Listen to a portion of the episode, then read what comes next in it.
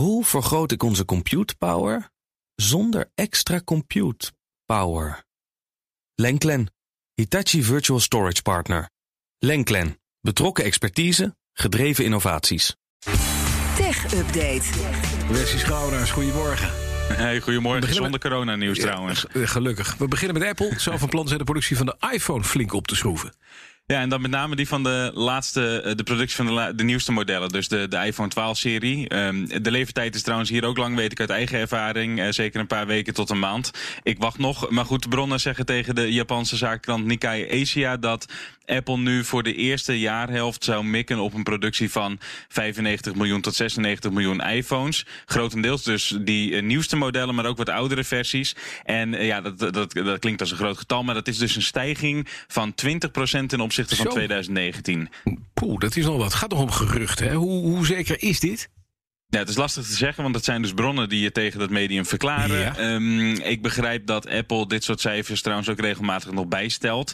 Eh, ja, dus, dus ik zou me er niet helemaal aan vastpinnen. Maar toch, wat je ziet is dat die vraag gewoon ontzettend groot is. Trouwens ook naar computers, hè, dus de MacBook Pro's en de iMac Pro's. Want ook die producties worden opgevoerd. En eh, ja, sorry, ik beloofde net dat ik het er niet over zou hebben. Maar dat zou toch ook een klein beetje wel weer met de coronavirus te maken hebben. En het thuiswerken en dus eh, nieuwe computers. Shit, ontkomen we er toch niet aan. Ik wist het.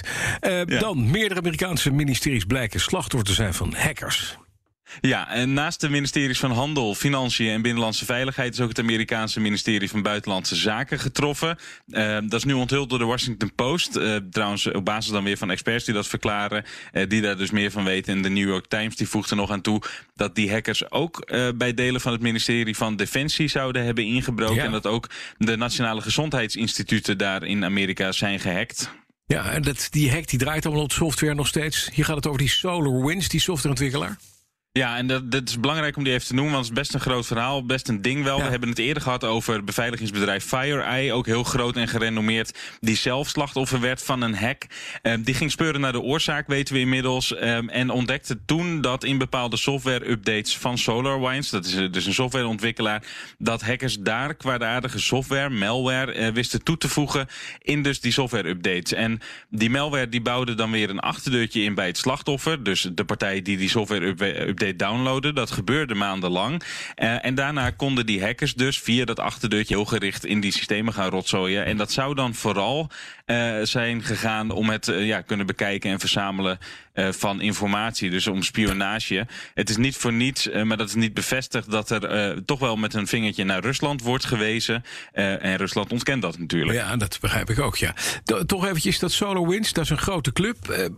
Blijft het hierbij? Of krijgen we elke dag een bericht van... ook die Amerikaanse overheidsdienst en die en die is aangevallen?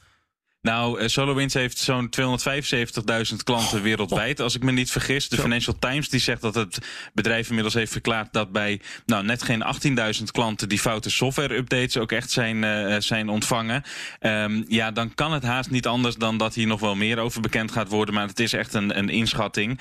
Ehm, eh, er zitten grote bedrijven en instellingen tussen die klanten van, van SolarWinds. Nou, nu vooral die verhalen rond ehm, nou, de, de ministeries in de Verenigde Staten. Maar het- ik kan me haast niet voorstellen dat het hierbij blijft. Ehm, we houden het in de gaten. Morgenmiddag om drie uur hoor je ook meer hierover in BNR Digitaal. Nog heel kort, techbedrijven als Facebook en YouTube kunnen strenge regels uit Brussel tegemoet zien. Er komt vandaag die e-commerce wet komt uit, maar er worden ook plannen Ja. van de Europese, andere plannen van de Europese Commissie naar buiten gebracht. Ja, en die moeten er eigenlijk voor zorgen dat gebruikers meer de touwtjes in handen krijgen. Eh, Wat er eigenlijk gewoon aan de hand is, is dat de, de bestaande Europese wetgeving niet echt meer voldoet. Die is zo'n beetje 20 jaar oud en de tijd is veranderd, maar zeker ook de platformen en wat ze doen. En de kern is dat gebruikers straks meer invloed moeten krijgen op bijvoorbeeld wat ze te zien krijgen. Met daarbij ook een betere uitleg hoe die algoritmes, hè, want daarmee gebeurt dat, die tijdlijn vormgeven. Eh, er moet ook beter gecontroleerd worden op wat er wordt gepost. Het moet ook netjes en snel offline gehaald kunnen worden.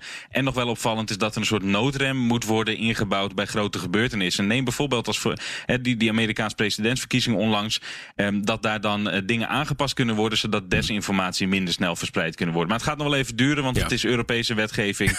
het zijn nu nog plannen. Ja, ja, maar het is gewoon zo. Ja, het zijn nog plannen, nog Ja. besproken en goedgekeurd worden door het eh, Europees Parlement en de lidstaten. Dus daar gaat echt nog wel even overheen voordat dit eh, nou ja, ingevoerd wordt. Wat water door de Rijn. En vroeger ging er nog wat water door de Thames. Maar dat kan het zomaar ophouden in januari. Dankjewel, Precies. Wesley Schouwenaars. De BNR Tech Update wordt mede mogelijk gemaakt door Orange Cyber Defense. Build a safer digital society. Hoe vergroot ik onze compute power zonder extra compute power?